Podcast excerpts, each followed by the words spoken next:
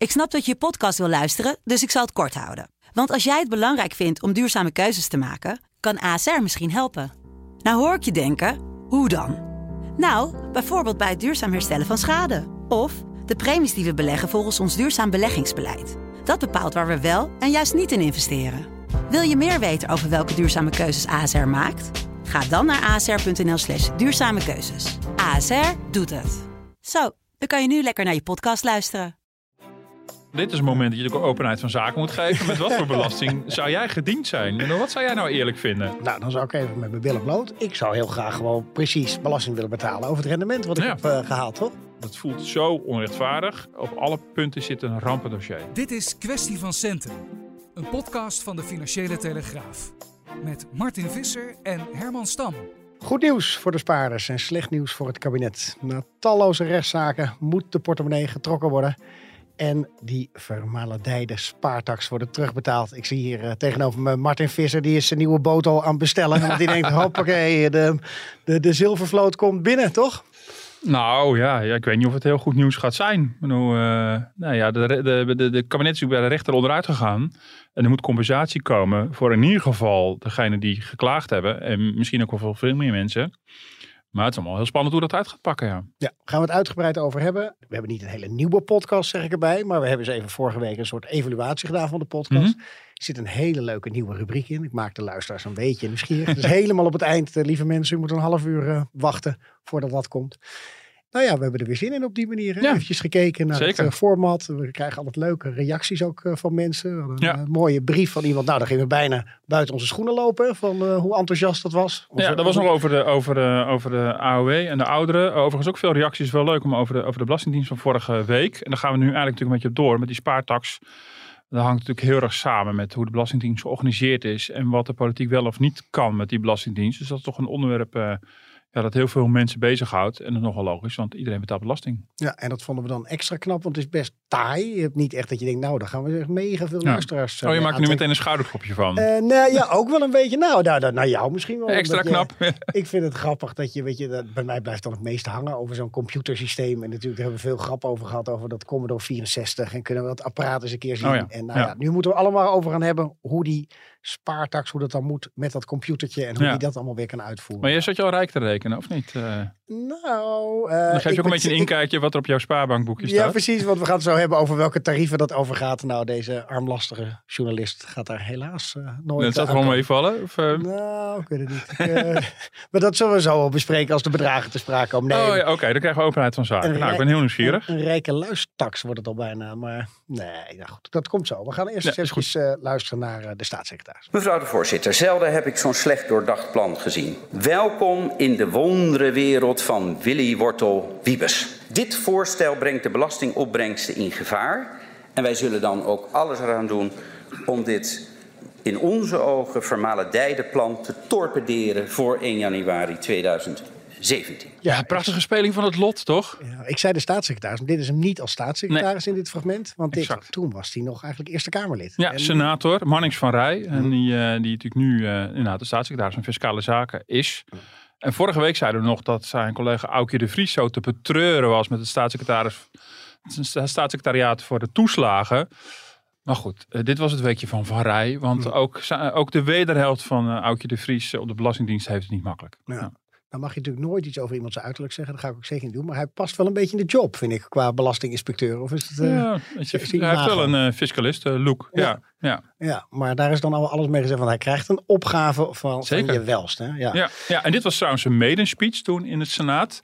Eh, van de week had hij ook als staatssecretaris zijn Eerste Kamerdebat over exact hetzelfde onderwerp. Dus waar hij toen voor waarschuwde, die puin mag hij nu gaan opruimen. We gaan eerst eens even proberen uit te leggen. Wat is hier nou precies gebeurd? Ja. En waarom is dit nou zo belangrijk? Eh, vraag voor vraag.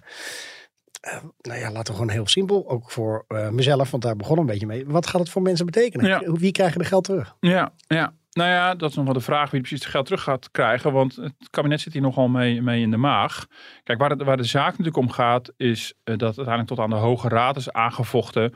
of je wel belasting mag heffen op een, op een spaarrente of op een beursrendement die je de per, per saldo niet hebt gehaald.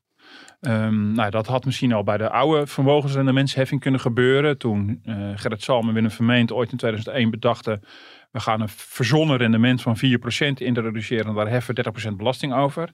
En waar dit fragmentje over ging was de aanpassing sinds 2017. Ja, want die 4% rendement die werd op de spaarbankboekje toen nog niet meer gehaald. Mhm. En toen is het een beetje in, in, in drie, uh, drie schijven opgedeeld, het vermogensrendementsheffing. Waarbij de, de, de, de, de kleinere spaarders, dus aanstekers, want dat is iedereen boven de 50.000 euro, die wordt geacht een groot deel van het geld echt op de spaarrekening hebben te staan. Dus die zal een klein rendement halen en dan een middelgrote uh, vermogende en de hele grote vermogende. En die, die in de derde schijf, ja, daarvan gaat de Belastingdienst voor het gemak van uit dat die het meeste geld gewoon aan beleggingen heeft en dus een hoger rendement heeft. Ja. Nou, dat is onderuit gegaan bij de rechter. En het nieuwe aan deze zaak was niet zozeer dat, het, dat de Belastingdienst of het kabinet een zaak met de rechter verloor, maar dat de Hoge Raad rechtsherstel heeft geëist. Mhm. En toen moest het kabinet, dit kwam eind december, en toen moest het kabinet binnen zes weken uh, uh, gaan reageren hoe ze dat rechtsherstel gaan regelen. Ja. Nou, en dan heb je naar de vraag van, ah, hoe regel je dat? Doe je dat alleen voor de, de 60.000 klagers die zich hebben aangesloten bij deze zaak? Of doe je dat eigenlijk gewoon voor iedereen die in het verleden belasting heeft betaald in box 3? Want daar hebben we het over. Maar dat voelt dan wel zo eerlijk. En hoe repareer je dit juridische gat in de bestaande wetgeving? Ja. En uh, ja, dat, wordt, dat is nog wel een klus. En uh, nou, van de week kregen we een eerste inzichtje in welke kant het ongeveer op gaat. Maar die grote vragen liggen eigenlijk nog op tafel. Ja. Want het gaat potentieel om miljarden, uh, als je het dan wil compenseren. En je hebt het feit dat je ook de miljarden die hiermee binnenkomen ook moet veiligstellen. Ja. Ik had beloofd dat ik iets erop terug zou komen over mezelf. Uh, ja. Ik heb veel geld in mijn eigen huis gedaan. Oh, ja. Dat is dan daar hoef ik niks. Dat, nee, dat, dat is dan, dat is dan in die zin verstandig. En ik weet niet of dat de reden was, maar ik, inderdaad, ik heb het tegenovergestelde gehad dat ik, voordat ik een eigen huis had, uh, een heel aantal jaar, nou een jaar in Brussel, toen we elkaar daar ook al, al leren kennen, toen ik voor de concurrent nog uh, ja. uh, werkte. Tel meer. Ja, ja. en in Brussel, dat was een periode dat, dat ik ja, een huis huurde. Nou, dat had jij natuurlijk precies hetzelfde. Geen huis kocht en goed kon sparen met de bedoeling dat later je huis te steken. Dat is voor mij is het moment geweest dat ik misschien ook net nog vermogensbelasting heb betaald. Met de bedoeling om vervolgens dat allemaal in het huis te steken. Ja, en dan ben je er weer vanaf natuurlijk. Ja. Dat is overigens ook de reden, maar dat is misschien weer een andere podcast, waarom fiscalisten zeggen, ja, het eigen huis is niet eerlijk belast. Dan, dan zie je dus het vermogen van je huis wordt op een andere manier benaderd dan ja, als datzelfde vermogen niet in je huis is gestoken. Maar het gaat dus inderdaad om spaargeld, om, ja. uh, om beleggingen. Dat is natuurlijk waar het om gaat. En voordat mensen dan duizelt, hè, qua al die, al die getallen, gewoon even jouw oordeel erover. Hm. Uh, vind je dat nou terecht dat, dat, dat het fictieve rendement is gewoon helemaal niet haalbaar en ja. goed dat het aangepast wordt? Nee, ja, dat vind ik heel erg terecht. Ja, nee, de, het, vorige kabinet had al beloofd dat er een, een belasting zou komen op het echt behaalde rendement. Nou, dat lukt dus allemaal niet. En dat raakt dus de podcast van een week geleden. Dat is gewoon technisch gewoon, uh, krijgt de Belastingdienst dat gewoon niet voor elkaar. En nu heeft dit kabinet opnieuw beloofd, we gaan naar het echte rendement kijken. Maar dat zal ook deze kabinetsperiode niet lukken. Nee, het is natuurlijk totaal ja, oneerlijk en onrechtvaardig dat je mensen belasting laat betalen over een spaarrente die ze nooit hebben gehad. Mhm. De spaarrente is nu nul, voor mensen boven een ton zelfs negatief. En dan moet je toch belasting gaan betalen. Ik, bedoel, uh, ik weet van uh, een commissie van, van Dijkhuizen, dat is al 2014 alweer. Dat is een van de vele commissies die geadviseerd hebben over nieuw belastingstelsel. Die kwamen hier eerlijk gezegd niet helemaal uit. Maar ik, ik heb achter de schermen gehoord dat zij in hun commissieoverleg dit het dossier diefstal noemden. Toen al, 2014. Omdat je dus ja, belasting hebt op iets wat je niet hebt gekregen. En dat is mm -hmm. zo onrechtvaardig. Dat is een soort on onteigening. En um, het is dus heel goed mogelijk dat jij dus uiteindelijk misschien zelfs meer belasting moet betalen dan dat je überhaupt op jouw spaargeld of op je aandelen rendement hebt gekregen. En dat is overigens ook de zaak die bij de Hoge Raad speelde. Iemand heeft dat uh, aanhanger gemaakt die bijna een miljoen euro uh, vermogen had, waarvan ruim 8 ton op de bank stond. Uh, dus maar een heel klein deel belegd. En uh, nou, de bedragen staan gewoon in de uitspraak. En dan blijkt dus uit dat die persoon dus meer belasting heeft moeten betalen dan die überhaupt aan rendement over het vermogen heeft gehad. Ja. Ja, dat is natuurlijk gewoon totaal niet uit te leggen. Is het dan ook gewoon niet zo'n goede belegger of spaarder? Want Gerrit Salm die zei toch altijd van nou, ja. uh, je moet echt een knappe jongen zijn als je onder die 4% komt. Nou ja, kijk, en dat is natuurlijk de redenering. En dat zegt de rechter ook. Van, de, de, de rechter zegt dan ten onrechte gaat deze wet ervan uit dat als jij bijvoorbeeld een miljoen euro hebt, dat je dan geacht wordt het grootste deel daarvan te beleggen. Hm. Uh, risicovol te beleggen. Uh, het oude, oude vermogensrendementsheffing van Zalmen vermeend, met die 4% toen nog, ging ervan uit dat je dat risicovrij aan het beleggen was. Ze hebben, ze hebben gepakt de rente die op een staatsobligatie kon krijgen. Die was op dat moment hoger dan 4%. Dus Zalm kon toen nog met recht en reden zeggen, ja weet je, als je, zelfs als je gewoon een hele veilige Nederlandse staatslening koopt, dan nog kan je die 4% met gemak halen. Mm. Nu gaat de Belastingdienst ervan uit, in deze wetgeving sinds 2017, dat je met een miljoen euro of meer geacht wordt om, om twee derde, drie kwart van je vermogen echt risicovol op de beurs te beleggen. Zit eigenlijk risico aan te jagen ook nog eens als Zeker. En, en, dan heb je natuurlijk twee gevallen. Eh, de rechter noemt ook die beleggers die een keer een jaar pech hebben, die onfortuinlijk zijn. Die belast je dus voor rendement als niet hebben gehaald. Maar het is ook unfair richting de mensen die ervoor kiezen om dat geld niet te beleggen, maar op de spaarrekening te zetten. En, dat, en ik snap jouw vraag. Dit klinkt misschien heel onlogisch. Maar er is natuurlijk wel degelijk een categorie mensen waarvoor het wel heel logisch is. En de meest voor de hand liggende groep, dat zijn oud-ondernemers. Dat zijn mensen bijvoorbeeld met een winkel. Uh, dat hoeft dus niet ineens een enorm miljoenenbedrijf te zijn.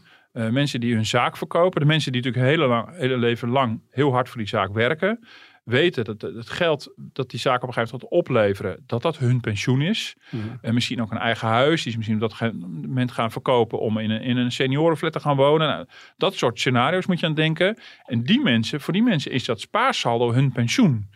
En die gaan natuurlijk niet meer dan meer privé zomaar met hele grote bedragen de beurs op. Want ze moeten zeker weten dat ze iedere maand hun AOW kunnen aanvullen mhm. met geld dat op de bank staat. En die mensen zijn natuurlijk van uitgegaan dat dat geld natuurlijk altijd tegen een klein uh, spaarrentepercentage eh, nog een klein beetje zou renderen. Dus die hebben A, de tegenvaller gehad dat de spaarrente natuurlijk 0% en zelfs negatief is geworden. En B, dat vervolgens de fiscus jaar op jaar daarvan afroomt. En dat voelt natuurlijk voor die categorie mensen heel erg unfair. Want die zien die zien hun vrienden die gewoon in loondienst zijn geweest en een pensioen trekken. Die klagen natuurlijk ook over pensioen en vaak genoeg over gehad. Maar die mensen hoeven er geen rekening mee te houden hoe oud ze gaan worden. Want die weten gewoon, mijn pensioen is die blijft uitbetaald worden tot mijn overlijden. Maar die mensen met dat, met, met dat spaarbedrag van, van misschien wel een paar ton op de bank. Die zijn, in de statistieken zouden die mensen misschien rijk noemen.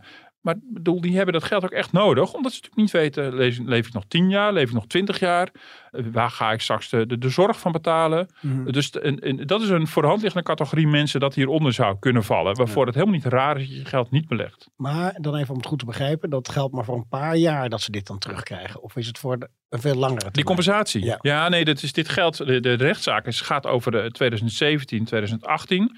Dit, uh, dat is wel interessant, want daarvoor was er ook een fictief rendement. Die 4% waar we het over hadden van Zalm Vermeend. Maar de zaak gaat heel specifiek over het moment waar we, waar we over Van Rijn het hebben gehoord. Waarop dat onderscheid wordt gemaakt. Waarop gezegd, we werken met drie schijven. De bedoeling was eigenlijk om het eerlijker te maken. Dat mensen met, uh, want, want die percentages, die fictieve rendementen worden nu ook jaarlijks aangepast aan wat het verleden echt heeft laten zien. Dus met het dalen van de spaarrente zie je dus ook dat het veronderstelde rendement op spaargeld dus ook omlaag gaat. Nu voor het komend jaar staat dat zelfs op min 0,1 procent. Uh, dat de Belastingdienst van uitgaat. Maar omdat bij, bij hogere bedragen ervan uit wordt gegaan dat je dus moet beleggen. Dat is precies hetgene wat, wat in mhm. ieder geval dat in deze zaak bij de Hoge Raad uh, door deze klagers is gewonnen. Er zijn ook heel veel andere zaken al in het verleden geweest. Waarbij het fictieve rendement als zodanig uh, ook ter discussie is gesteld. Alleen dit is de, echte, eerste echte zaak waarin de rechter heeft geëist. Er moet rechtsherstel komen. En, en verwacht jij dan dat, want uh, inderdaad ik kan me niet anders herinneren. Dat er heel veel zaken waren. op een gegeven moment ben je ook de draad een beetje kwijt. Maar dat deze zaak er dan ook weer voor zorgt dat misschien uh, voor 2017 ook weer uitspraken worden herzien. Ja, nou dat weet ik dus niet zo goed. Want dan zit je echt een beetje in het juridische veld hoe dat uit gaat pakken. Uh, ik begrijp uh, dat ze in Den Haag ook in die zin wel overvallen zijn. Want ze hebben natuurlijk al die rechtszaken ook gevolgd. En zagen natuurlijk ook wel dat dat er sommige succesvol waren en sommige minder succesvol. Maar dit is de eerste tot nu toe, uh, voor zover ik weet, waarin dat rechtsherstel is geëist. Dat betekent dus dat het kabinet iets moet. Die moet dus de gaten repareren hm. en die moet gaan compenseren. Ja, of dit dan weer automatisch. Ik denk niet dat dit automatisch weer jurisprudentie is voor andere zaken die al helemaal afgerond zijn. Um, maar dit is wel weer jurisprudentie voor nieuwe zaken die nog gevoerd kunnen gaan worden. Maar uh, ja, wellicht dat hier nog nieuwe zaken uit voort gaan komen. Uh, want de redenering van de Hoge Raad gaat primair in om van ja, je mag niet zomaar veronderstellen dat iemand met een miljoen op de bank geacht wordt dat geld op de beurs te zetten. Um, maar er zit ook wel, ik noem het al even, er wordt ook wel een opmerking gemaakt over beleggers die een jaar pech hebben. Hoe is het wel fair om iemand die een jaar pech heeft te, te belasten over een, over een beursopbrengst die hij mhm. nooit heeft behaald? Dus er zitten wel haakjes in, ook voor toekomstige zaken. En uh, wij noemen dit uh, nieuwe kabinet volgens mij vaak het spendeerkabinet. Ja. Ze zijn al lekker aan het uitgeven. Ja. Dan komt dit er ook nog eventjes eh. Ja, hebben, ze- hebben ze wel geld voor liggen? Nou ja, geld is gratis tegenwoordig. Ik bedoel, we hadden het over spaarrente van nul. Maar ook, de, ook voor de Sigrid Kaag de rente nul. eh, de minister van Financiën. Eh, maar ja, dat is natuurlijk niet de bedoeling. Ik bedoel, eh, als het een paar miljard gaat kosten, is, was het natuurlijk niet de bedoeling dat het nog bovenop al die uitgaven kwam die ze hadden. Mhm. En dit raakt, en, het, is- en ik vind het overigens, dit fundamentele dan, of het kabinet wel eens niet geld kost. Want dit raakt aan het rechtsgevoel van mensen. Mhm. En dat was ook de reden dat destijds die commissie dit ook het dossier diefstal noemde. Overigens stelde die commissie toen een soort van idee voor wat, wat nu is uitgevoerd. Dat dus uiteindelijk ook bij de rechter onderuit is gegaan. Maar daar raakte de, de belastingmoraal in Nederland dus heel erg hoog. Maar als je natuurlijk op een gegeven moment belasting gaat heffen over een inkomsten die mensen gewoon domweg niet hebben. Ja, dat voelt inderdaad dus als diefstal of als een onteigening. En zulke soort woorden vallen natuurlijk ook. En ik denk dat dat terecht is, want zo fundamenteel is dit. Ja. En daarom maken heel veel mensen zich boos over. Ik denk dat ook heel veel mensen zich boos hierover maken. Mensen die belangen na nooit deze belasting zullen betalen. Want nu is de belasting vijf voet, ligt iets boven de 50.000 euro. Dus als stel, ja, moet je eerst wel 100.000 euro aan vermogen hebben, wil je belasting betalen. Het viel me op dat er nog 1,9 miljoen aangiftes worden gedaan voor deze belasting. Dat vond ik nog best wel veel. Eh, maar je ziet dus het overgrote deel van de Nederlanders ja, heeft niet zoveel geld dat ze deze belasting eh, moeten betalen. Maar ik denk dat ook aan het rechtsgevoel van die mensen, die hier eigenlijk niet eens mee te maken hebben, dat daar ook aan ge- getoond wordt. Want het voelt zo onrechtvaardig. En als het dan ook nog eens een keer door de technische problemen de Belastingdienst niet mogelijk is om dit te verbeteren. Ja, dat, dat is natuurlijk op alle punten zit een rampendossier. Ja. Eh, we gaan het straks nog even over hebben. Hoe, eh, hoe ze in Den Haag het dan willen oplossen. En wie er dan uiteindelijk moet er altijd iemand voor bloeden. En dat Ja. zijn ook gewoon weer belastingbetalers. Maar dat komt straks.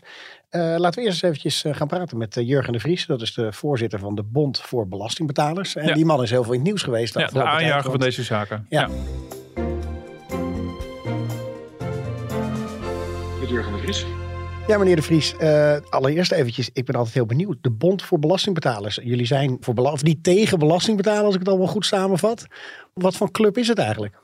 Nee, we zijn niet tegen belastingbetaler, we zijn voor belastingbetaler. Mhm, En het grote verschil wat wij willen maken is dat niemand te veel belasting betaalt. Precies. Ja. Want dat komt nogal zo voor in Nederland. Want eh, de champagne is bij jullie geopend sinds eh, de uitspraak van de Hoge Raad. Er is, er is absoluut gevierd, want het- daar hebben we heel hard voor moeten werken. Mhm. Het komt niet vanzelf aanwaaien, dit, eh, dit arrest. Eh, het is ook niet altijd voorzien geweest dat we er succesvol zouden zijn, dat moet ik ook eerlijk toegeven. Maar eh, als je dan dit arrest krijgt, dan denk je wel, dat is loon naar werken. Absoluut. Ja. Kunt u af en toe de kritiek ook een beetje begrijpen van mensen dat ze denken van nou ja, dat is echt wel voor hele rijke mensen. En wat zitten ze een beetje te zeuren daarover? Nee, dat kan ik niet. Nee, het is puur op, eh, op de oneerlijkheid waar u op aanslaat. Het is oneerlijk, maar dat is, als je één laagje dieper gaat. Natuurlijk, het zijn mensen met geld, eh, vermogen. Eh, maar dit zijn niet echt de hele rijke, vermogende Nederlanders eh, waarover wordt gesproken. Er zijn heel veel mensen bij in onze achterban. En ik kan niet voor iedereen praten, hè? dat begrijpt dat heel goed. Nee. Eh, maar de mensen die bij ons zijn aangesloten en mee hebben gedaan aan deze bezwaarprocedure. Daar zitten heel veel zelfstandige ondernemers tussen. Mhm. Die sparen niet voor hun pensioen via hun werkgever. Die moeten dat zelf doen. En dat geld staat in box 3. En als je daar dan nog 10, 20, 30 jaar mee moet doen. En je wordt, elk jaar word je aangeslagen alsof je belegt. Want die meeste mensen beleggen niet, want die durven dat niet. En dat kan ik best begrijpen. Ja, dat is natuurlijk een hele nare situatie. Het voelt oneerlijk, dat is oneerlijk. En dat is al jarenlang. eh, klaagt men hierover. Bedoel, wij zijn niet de eerste die hiermee zijn begonnen. Zeker niet. Nee. Het bij- bijzonder natuurlijk van, deze, van dit arrest, als ik het goed eh, eh, zeg, is dat het natuurlijk ook gewoon van het, van het kabinet rechtsherstel eist. Dus nu moet het kabinet ook echt in actie komen. Wat vinden we eigenlijk tot nu toe van de politieke reactie? Want mijn indruk is dat het kabinet ook nog heel veel voor zich uitschuift. Nou, het klinkt misschien raar als ik dat zo zeg, maar ik ben daar eigenlijk wel heel positief over. Ik ben daar positief over, A, omdat ik me terdege realiseer dat het heel lastig is om eh, zo'n compensatieregeling eh, uit de grond te stampen. Mhm. Eén. En dat kost er gewoon tijd. En dat, eh, volgens mij hebben ze met de toeslagenaffaire ge- geleerd, of heel hard leergeld betaald voor het snel bedenken van een oplossing die uiteindelijk toch niet, eh, niet voor iedereen werkte. Dus neem even de tijd om dat goed te bedenken. Het tweede is, wat ik, en da- daar doel ik even op het debat dat gisteren heeft plaatsgevonden in de Tweede Kamer. Ik proef toch van links tot rechts de, de steun voor de oproep om deze uitspraak van de Hoge Raad niet te beperken tot die groep mensen die met ons mee heeft gelift omdat ze bezwaar hebben gemaakt. maar eigenlijk voor iedereen van toepassing te verklaren die spaarder is in Nederland en die uiteindelijk meer belasting heeft betaald dan dat hij ooit daar rendement heeft ontvangen. Ja, dus dat het wat tijd kost, dat zou ten, ten goede kunnen komen aan de kwaliteit van de oplossing. Daar heeft u wel geduld voor om daar rustig op te wachten. Zeker, en, en, en uiteindelijk gaat het over vier jaren. Compensatie voorzien we voor de jaren 2017, 18, 19 en 20. Mhm. En de aangifte 2021 begint op 1 maart van dit jaar. Ja. Ook daar moet compensatie worden voorzien. Ja, en, en denkt u dat dit arrest gaat ook heel specifiek over de aanpassing die er is geweest in 2017 om te veronderstellen dat mensen in verschillende schijven met een groot vermogen een deel sparen en een deel beleggen? Daar gaat de uitspraak ook heel nadrukkelijk over. Uh, maar denkt u dat hier ook nog aanknopingspunten zijn om alsnog ook de vermogensrendementsheffing van voor 2017 aan te pakken op eenzelfde manier? We hebben ook een procedure lopen over de jaren 2013 tot en met 2016. Daar heeft de Hoge Raad al een keer uitspraak over gedaan. Die heeft toen een, een soort van voorwaardelijke uitspraak gedaan. Die zegt, ja, er is sprake van schending van het eigendomsrecht indien mensen niet meer dan 1,2% rendement halen. Dat Ja. is die 40, die 4% en dan 30% eh, eh, Belasting. eh, belasting over. Maar rechtsvoorstel werd toen overgelaten aan de wetgever. En die, die heeft toen, en dat vind ik zelf een, een hele kwalijke zaak. De wetgever heeft toen zich eigenlijk dit hele rest onder het tapijt willen moffelen. Door te zeggen van nee, dat is, je, je zou nog wel 1,2% kunnen halen. Mits je een spaardeposito zou openen bij, nou ik noem eventjes een exotische Turkse bank. Ja, ja wat, we, wat we niet meer Ja. mochten doen sinds de kredietcrisis. Maar goed, Precies, dat, dat mochten we niet meer doen. Nou, we hebben, nou, op basis van die uitspraak zijn we, hebben we wel een klacht neergelegd bij het Europese Hof voor de Rechten van de Mens. Dus die zaak is nog niet gesloten. Nee, kijk, en daarom vind ik dat dit arrest gaat er heel erg over van kan kun je van, een, van iemand die, nou, stel eh, een, miljoen heeft, eh, kun je van iemand veronderstellen dat hij een miljoen niet op de bank heeft, maar op de beurs. Eh, Daar gaat deze uitspraak heel sterk over. En dat mag je niet zomaar gewoon veronderstellen. Maar ja, de, de fundamentele vraag eronder is, mag je gewoon een fictief rendement veronderstellen? Die 4% van voor 2017. Eh, en het zou natuurlijk voor u natuurlijk de mooiste overwinning zijn als, als ook die zaak tot een rechtsherstel zullen leiden. Maar dat loopt dus allemaal nog. Dat loopt allemaal nog. Kijk, op zich is het helemaal niet, niet gek om een, om een fictie of een forfait te hanteren. Mits je die maar gewoon eens in de zoveel tijd actualiseert. Ja. En dat is hetgeen wat nooit is gebeurd. Eh, en waarom is dat nooit gebeurd? Maar dat is, mijn, dat is mijn analyse. Dat is nooit gebeurd omdat die, eh, het was zo lekker uitvoerbaar voor de Belastingdienst. De, de opbrengst was zo redelijk eh, fijn constant. En kon elk jaar weer 4 miljard euro bijschrijven. Ja, en, en dat, als dat de doorslaggevende argumenten worden om een belasting, bepaalde belasting in de, eh, ja, in de lucht te houden, ja, dan gaat het een keertje mis. Hoe werkt het eigenlijk? Ik ben even nieuwsgierig. eh, die 60.000 mensen die zich dan eh hebben verenigd in die bezwaarprocedure, moeten die dan een bedrag aftikken aan de bond? Hoe, hoe worden die, moet, je iets aan kosten nog verrekenen? Nee, wij zijn afhankelijk van de, de bereidheid van mensen om een donatie te doen. Oké. We zijn deze procedure. Je moet weten, deze procedure zijn we eigenlijk uit pure armoede gestart. Deze juridische procedure. We hebben ooit geprobeerd om via de politiek een oplossing te bedenken. Want we dachten, heel naïef misschien, eh, als de politiek morgen eh, besluit van we gaan die vermogensrendementsheffing aanpassen, dan is het overmorgen geregeld. Nou, we praten nu in 2015. Of 2014 was het al. Nou, dat gebeurde helemaal niets. En toen zeiden we, nou ja, dan gaan we maar naar de rechter toe. Want dat is de enige mogelijkheid die je nog hebt als belastingplichtige in het land. Dat je dit, dit voorlegt aan de rechter en dan hoopt dat de rechter zegt van ja, maar dit mag niet. Dus schending van het eigendomsrecht. Nou, in dit geval was het ook nog schending van het discriminatieverbod. Maar dat zijn stevige uitspraken. Maar dat kost wel tijd. Ja. Zijn er nog mensen uit de politiek eh, die contact met u hebben gezocht? Van joh, eh, dat hebben we inderdaad verkeerd gedaan. Reacties vanuit ministeries. Nou, er zijn, we hebben heel veel reacties gekregen. eh, heel veel positieve reacties gekregen. Dat is natuurlijk altijd heel erg leuk.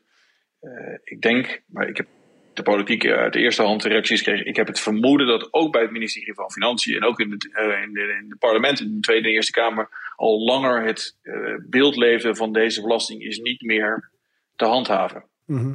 Maar dat, betekent, dat was nog niet de, de- direct aanleiding om het dan maar aan te passen. Want dat vind ik eigenlijk wel het wonderlijke aan dit hele onderwerp. Het is een belasting op vermogen. Relatief klein bedrag, 4 miljard op jaarbasis. Het is niet de grootste inkomsten voor de staat. En als het dan zoveel tijd kost om dat aangepast te krijgen, om het herzien te krijgen, ja, dat vind ik dan wel wonderlijk. Dank u wel voor uw tijd. Fijn dat we even in de studio zo met u konden, konden praten. Graag gedaan en veel succes met de podcast. En ik, mag ik nog één ding toevoegen? Uiteraard. Iedereen die geen bezwaar heeft gemaakt en denkt van... goh, dit is misschien ook wel op mij van toepassing. Mijn suggestie zou zijn... Ga gewoon naar onze website van de Bond voor Belastingbetalers en registreert u zich daar. Want dit onderwerp krijgt de komende maanden echt nog wel de nodige aandacht. En als er compensatie in zit voor al die 1,3 miljoen spaarders, dan willen mensen dat ook wel weten. En dan kunnen ze daar namelijk op, uh, op acteren. Dank u wel.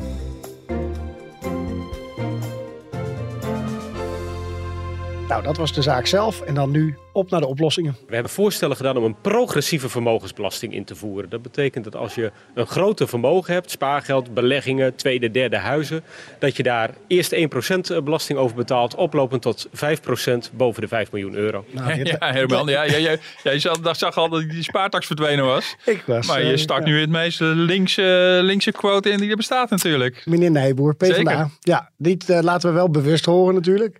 Ja, want het is niet gezegd om even de luisteraars gerust te stellen dat dit ook de oplossing wordt. Maar mm. dit is wel de, de, kern van de zaak en van het debat in ieder geval. Ja, en dat is toch weer een beetje een domper. Uh, ja. ik zie je teleurgestelde gezicht al. Nee, ik heb net nog heel netjes proberen uit te leggen. Ja. Dat het voor mij nee, van de week natuurlijk op de redactie had je iets van moeten verhaal hebben over uh, het, het, einde van de spaartax. Van, ja, oh, oh, oh, het requiem. Oh, oh, oh, het requiem van de spaartax. Nou, uh, nee, ja, er moet een oplossing worden. Ja, er gaat natuurlijk een, iets terugkomen. Iets, iets in de vermogen en de spaarsfeer.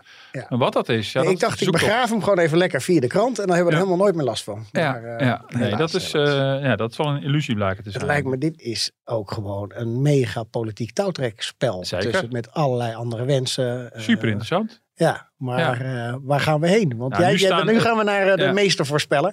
Hoe eindigt dit? Ja. Nou, nu, nu, staan alle Piketty-fans op. Nou, uh, mm -hmm. We hebben het ook nog vaker over gehad. De, de, grote gelijkheidsdenker. Mm -hmm. En ja, de linkse oppositie, Wordy Nijboer van de PvdA, die ziet zijn kans schoon. Want die weet dat de coalitie hier verdeeld is.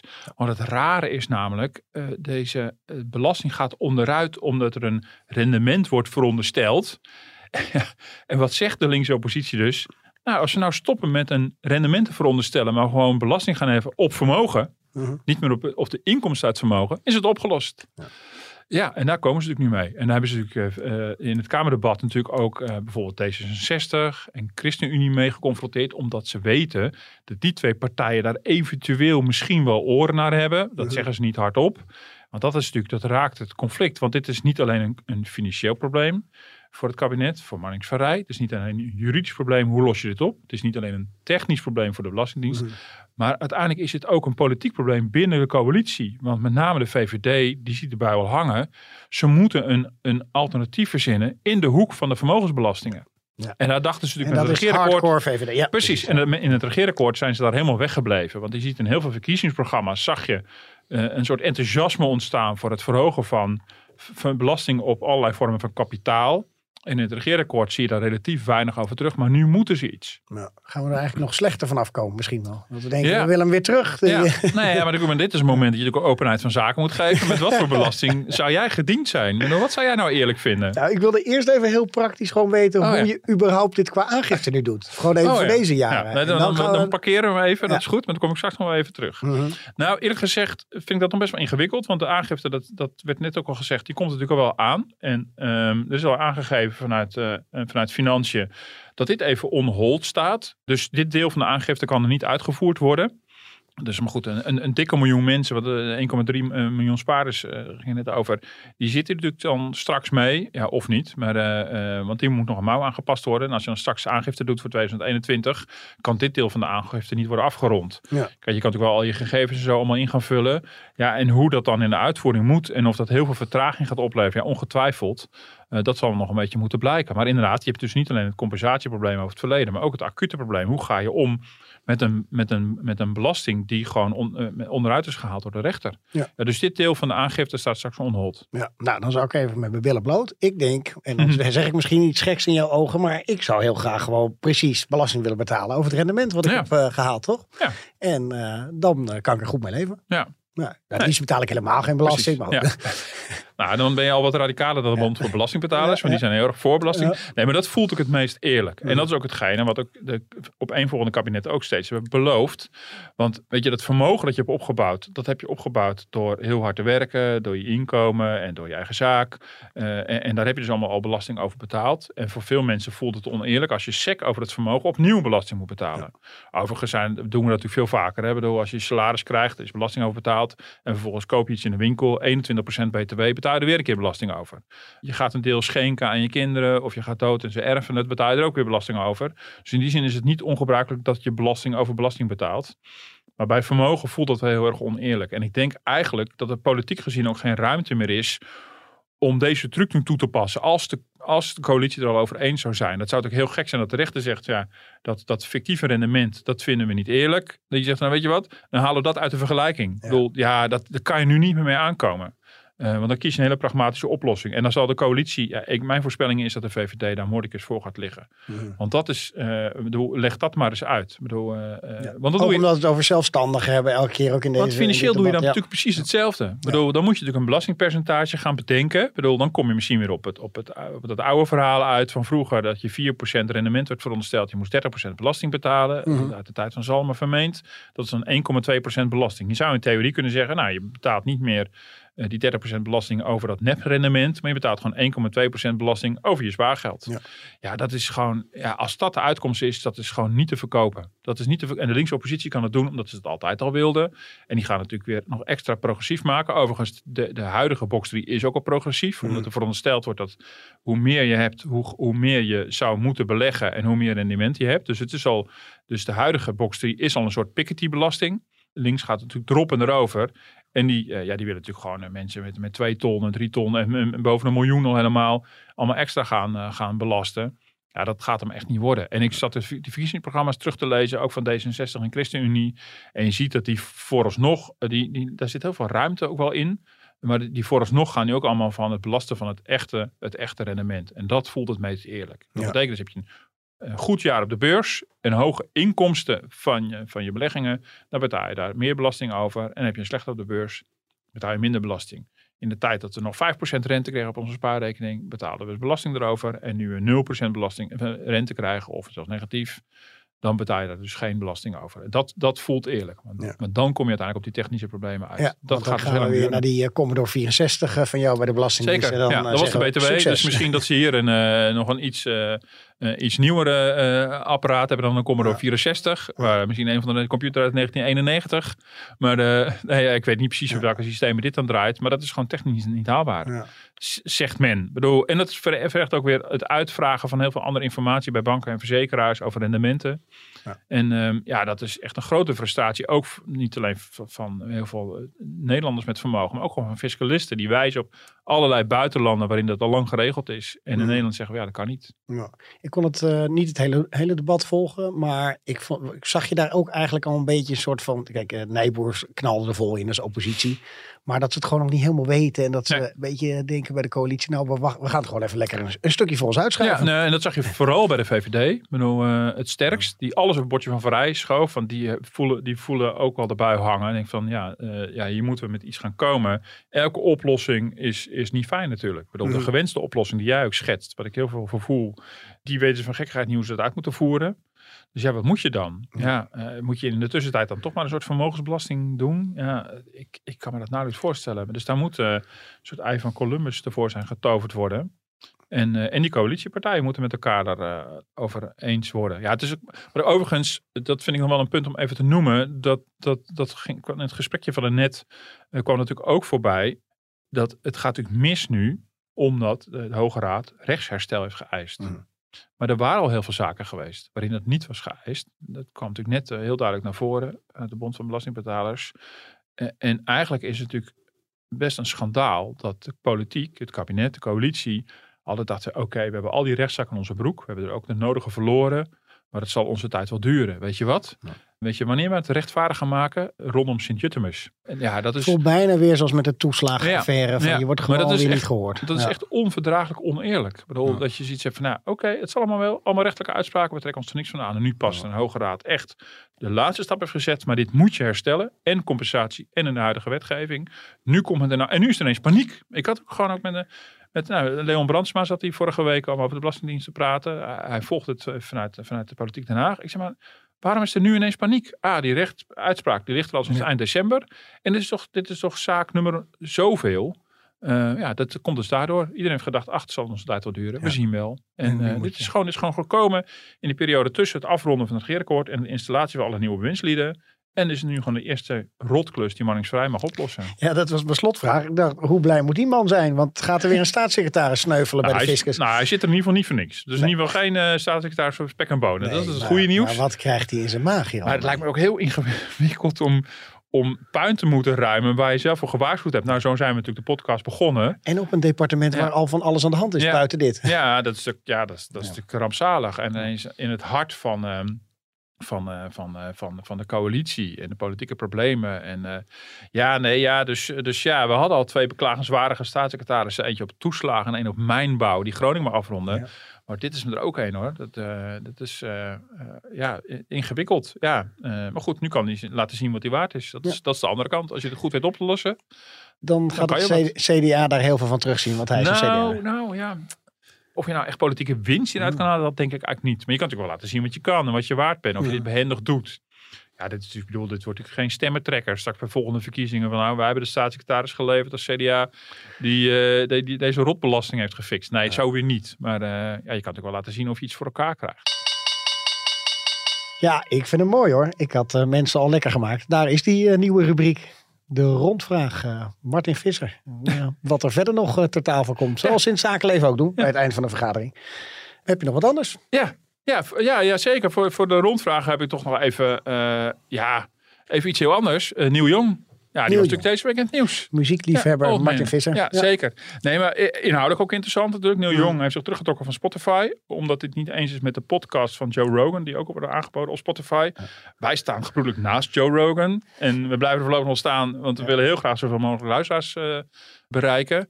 Maar interessant ook dat na Facebook en YouTube natuurlijk nu ook Spotify ja, een soort van verantwoordelijk wordt gesteld voor de inhoud die ze aanbieden. Ja. Maar het allermooiste is... Rogan is een antifaxer. Even voor Ja, de luisteraars ja, die het misschien niet weten. Die, in ieder geval, hij laat antifaxers aan het woord. Maar het allermooiste is dat na Neil Young niet alleen Johnny Mitchell, maar ook David Crosby, Steven Stills en Graham Nash zich aangesloten hebben. Wat Mhm. betekent dat eigenlijk buiten Spotify Crosby, Stills, Nash en Young nu weer verenigd zijn. Hey, kijk. Nou, Martin, dat is mooi. Je kan het niet maken eigenlijk, toch? Ja, nee, ik- waarvoor dat ze zijn, die zijn verantwoordelijk voor prachtige klassiekers zoals Ja. Deja Vu 1971 voor mijn tijd. Maar eh nou goed, dat was een, was een klein muzikaal slash zakelijk nieuwtje. Voor de mensen die het nog niet weten, Martin is een enorme muziekliefhebber en kenner. Dus eh, volg hem ook, want daar heeft hij ook af en toe wat advies eh, over op Ja, eh maar deze plaat kent iedereen, heeft iedereen zijn kast aan toch? Dat hoef ik jou niet eens te vragen. Tuurlijk staat hij in Nou, je ik kast. ben wat meer. Ik, ik ben een beetje zoals sport bij jou is bij mij muziek. Oh, ja. ik weet er wel wat van, maar niet eh, zoals jij. Nou, dan ben ik, ik ook ik, vind het, ik vind het economisch interessant ook. Ja, zeker, Het, zegt iets over die, hoe dat gaat. Dat De beurskoers die klapt ook omlaag hè, van Spotify. Dus het heeft toch wel degelijk ook impact. Ja. En ook eh, dat de grote partijen zitten tegenwoordig achter die muziekrechten. Ja. Wat ik als vader heel leuk vind, is dat die kinderen ook allerlei muziek nu luisteren door dat soort platforms, zoals Spotify en Amazon. Ja. Maar vooral die strijd ook, hoe Amazon hier weer op inhaakt. En Nieuw Jongens nu naar Amazon overgegaan. Nou, het bedrijf staat bekend op zijn goede arbeidsvoorwaarden.